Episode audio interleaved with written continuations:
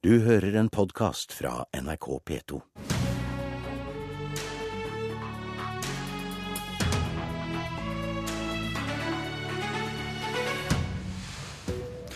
Hvorfor brøler ikke kvinnebevegelsen mot moskeer og muslimske miljøer, spør Sylvi Listhaug i dag.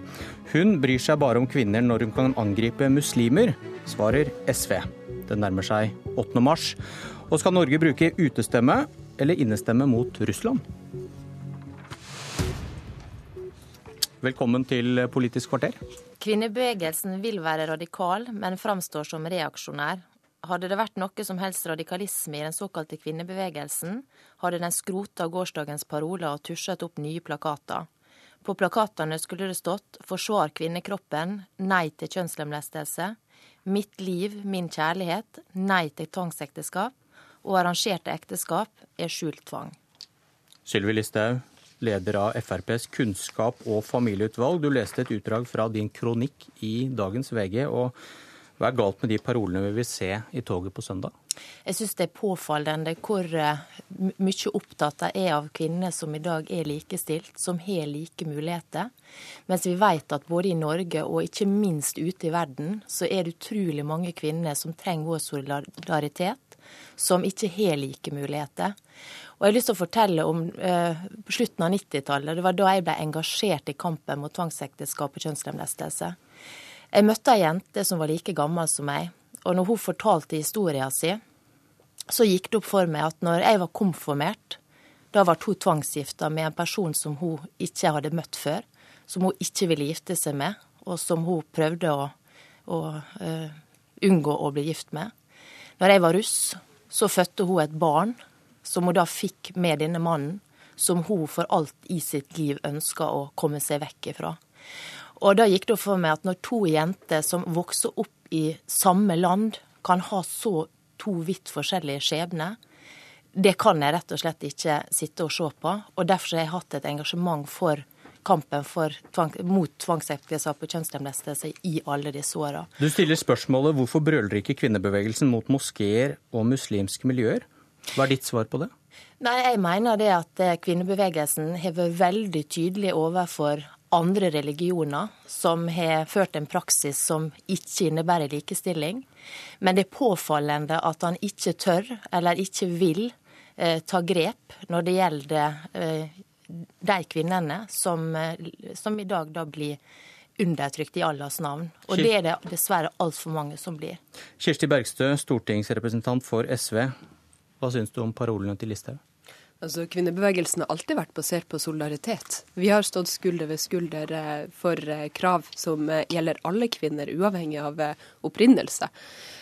Og, som, og, vi har en solidaritet som heller ikke har noen, noen landegrenser, og kjemper imot enhver form for kvinneundertrykkelse. Enten det skjer av religiøse minoriteter, eller det skjer eh, andre plasser. Men det Listhaug gjør her, det er å dyrke opp kunstige motsetninger. Fordi når Listhaug sier at det navlebeskuende å gå i 8. mars-tog imot privatisering, ja, da eh, syns jeg at hun eh, ikke tar kvinnekampen på alvor. Fordi det som er tilfellet, er at det foregår et pensjonsran mange plasser. Det foregår et pensjonsran pga. politikken som Frp og Høyre presser frem gjennom konkurranseutsetting og privatisering, og som gjør at kvinner mister sine pensjonsrettigheter.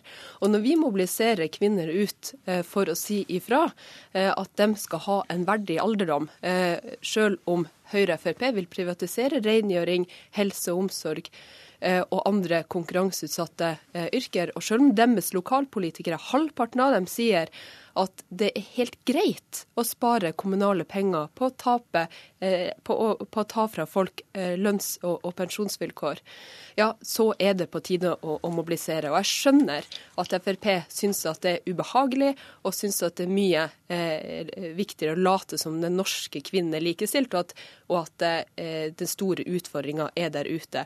Kampen den foregår her. Eh, den er like viktig med skikkelige lønns- og pensjonsvilkår, enten dine opprinnelse fra Somalia eller fra Sápmi. Og, og den store eh, kvinnebevegelsen den går fra Agder til Alta. Eh, så det er helt urimelig å både fremme en påstand om at man er navlebeskuende, eller at man ikke tar inn over seg forskjellige kvinners virkelighet. Det har kvinnebevegelsen alltid gjort. Ja, jeg mener at Kvinnebevegelsen er opptatt av penger, de er opptatt av pensjonsrettigheter, de er opptatt av titler. De er opptatt av at kvinner skal føde barn og så komme seg ut på jobb så fort som mulig. Eh, det er det det dreier seg om. Mens det å da eh, snakke saka for de som virkelig trenger det i dagens samfunn, som ikke har like muligheter Altså Hvis du skal jobbe i barnehage i Norge i dag, så har du muligheten til å velge om du vil jobbe i en privat barnehage eller en offentlig barnehage. Det samme har du innenfor eldreomsorgen. Det samme har er du innenfor veldig mange områder. Men de som står i en situasjon der familien vil tvinge dem til å gifte seg med noen de ikke ønsker, de har eh, i dag muligheten til å flykte. Og det var en sterk artikkel i VG i dag også som påpekte for et helvete disse jentene lever i. De flykter, de mister all kontakt med familien. Ja, men hvorfor det, det, det som er spørsmålet er, hvorfor løfter ikke dere disse jentene? hvorfor snakker ikke dere om disse jentene på 8. mars, som er den dagen i året der oss nettopp skal bry oss om de som ikke har like muligheter? Det gjør vi. Men når du sier at det er navlebeskuende å være opptatt av penger og pensjon, så glemmer du at det å være økonomisk selvstendig, ja, det er grunnlaget for et fritt liv. Eh, og det dere foreslår når dere sitter i regjering, ja, det er å si at man må være gift ikke bare tre år, men fem år for å få opphold selvstendig i Norge. For mange kvinner som lever i voldelige forhold, så vil det være et fengsel. Men hva tenker du om engasjementet til Listhaug for da undertrykte kvinner i muslimske miljøer? Altså, Jeg klarer ikke å ta hennes kvinneengasjement på alvor så lenge hun kun klarer å se at det er muslimske miljøer som kan fungere undertrykkende. Hvor er Listhaug sitt engasjement i forhold til eh, trange religiøse og konservative miljøer på Vestlandet.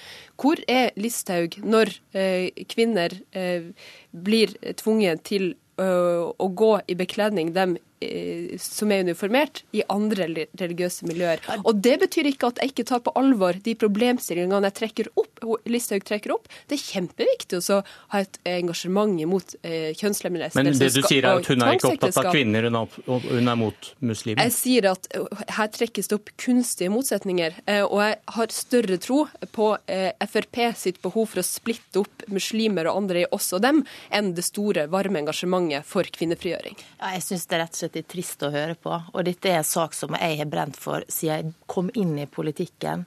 Nettopp fordi at møtet med disse jentene gjorde så sterkt inntrykk på meg. Jeg syns det er helt forferdelig å tenke på at i dagens Norge så vokser det opp jenter som ikke har like muligheter som ikke har muligheter til å velge hvem de skal gifte seg med, som blir utsatt for rett og slett eh, sterke overgrep med kjønnslemlestelse som ødelegger livet deres kanskje for alltid. Det er saker som er viktige på 8. mars. Og så mener jeg at de sakene dere er opptatt av på venstresida, ja, det er saker deres har like muligheter. Og da må du forklare meg, er det sånn at kvinner ikke har muligheten til å velge om de vil jobbe i private eller offentlige barnehager? Er det slik at kvinner ikke har mulighet til å velge om de vil jobbe i, sånn i private eller offentlige sykehjem? Det er sånn at Frp og Høyre rundt omkring vil privatisere. Det betyr hardere lønns- og arbeidsforhold. Det betyr ofte tap av pensjon. Det er mulig å både kjempe for økonomisk selvstendighet og verdighet i arbeidslivet, og frigjøring for alle kvinner, uavhengig av religion og opprinnelse. Det er det kvinnekampen handler om. Det er noen dager til 8. mars. Vi rekker flere debatter.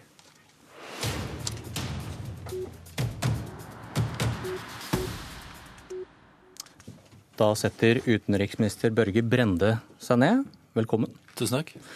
I dag holder du din utenrikspolitiske redegjørelse i Stortinget, der du sikkert skal snakke om Russland. Og et intervju på CNN har ført til en debatt om hvilke ord dere i regjeringen bør bruke. Forsvarsministeren sa at Vesten forhold til Russland aldri ville bli det samme igjen. Det er ikke mulig å gå tilbake til en slags normalitet, til en slags normal business. Vil du bruke de samme ordene som Søreide i dag? Det vil jeg. Og det som eh, forsvarsministeren understreker, er at man vil ikke gå tilbake til en normalsituasjon når Russland har tatt en del av et annet europeisk land, eh, Krim, fra Ukraina. Eh, det foregår fortsatt folkerettsbrudd i Ukraina, en destabilisering av de østlige delene. Og så ser vi jo dessverre at i Russland Eh, så skjer det nå en utvikling hvor den eh, lille liberale opposisjonen som eksisterer, blir slått veldig hardt ned på.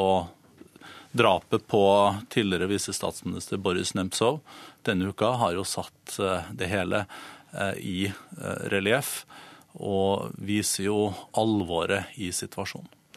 Hun sier aldri Vestens forhold til Russland vil aldri bli det samme igjen. Hvordan kan ordvalg være med på å lukke dører? Det forsvarsministeren har slått fast, er at det vil bli annerledes, eh, det forholdet til Russland, eh, med det faktum at de har gått til folkerettsbrudd og tatt en del av et annet europeisk land. Nå er det jo ikke slik at vi ikke ønsker et godt forhold til Russland. Norge samarbeider med Russland på mange områder.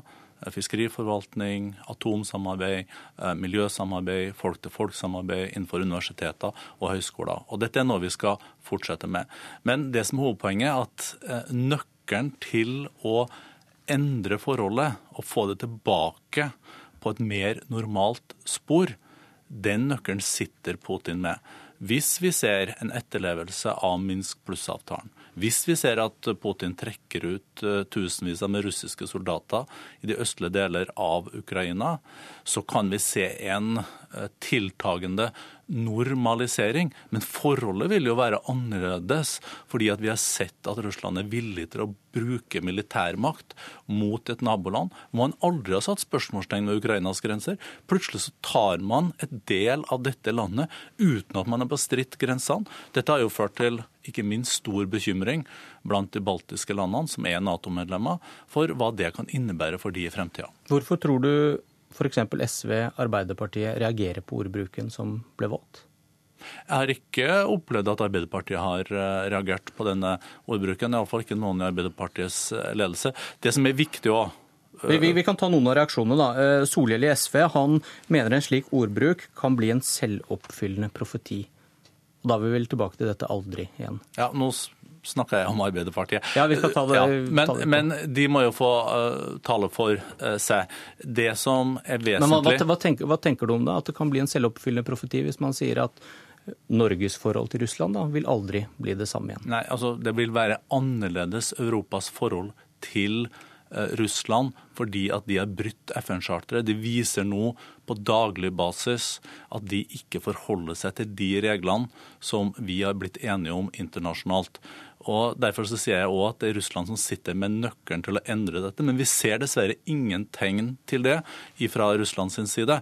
Men øh, det som er òg Russlands øh, øh, Det Russland nå forsøker, det er å, å skape uenighet i Europa om de restriktive tiltakene og reaksjonene. Og Det som har vært veldig bra i Norge og i Europa, det er jo at vi har stått sammen om reaksjonene.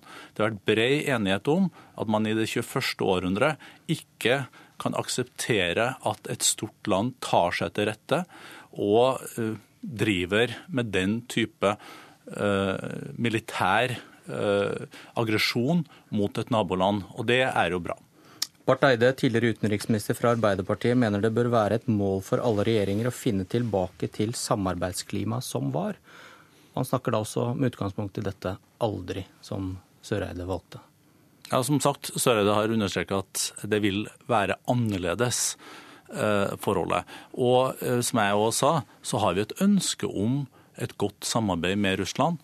Men eh, nå er det jo Russland som sitter med nøkkelen til det. Vi må jo ikke glemme hva vi nå eh, står eh, overfor, nemlig et Russland som første land etter 1945 ikke lenger forholder seg til det som har vært bred enighet om, nemlig respekten for andre lands grenser, FN-charteret, den arkitekturen vi har utforma i Europa, rundt Europarådet, rundt Organisasjonen for sikkerhet og samarbeid. Willoch fra ditt parti Vesten har ikke tatt nok hensyn til Russland med utvidelsen av Nato mot øst, for å forklare Er, det, er det, farlige tanker? Kan man si det samtidig som man uh, fordømmer det de gjør nå? Jeg tror de baltiske landene er veldig glad for at de nå er medlem av Nato. for å si Det slik. Det gir de en sikkerhetsgaranti, sånn som at man ikke havner i samme situasjon som Ukraina. Eh, Nato eh, og Nato-alliansen er viktigere enn noen gang. Og det vi eh, må jobbe bevisst med fremover, det er at vi ikke ser at Russland går til nye destabiliserende tiltak og initiativ overfor andre land i Europa eller i Sentral-Asia. Utenriksminister Børge Brende, takk for at du kom til Politisk kvarter.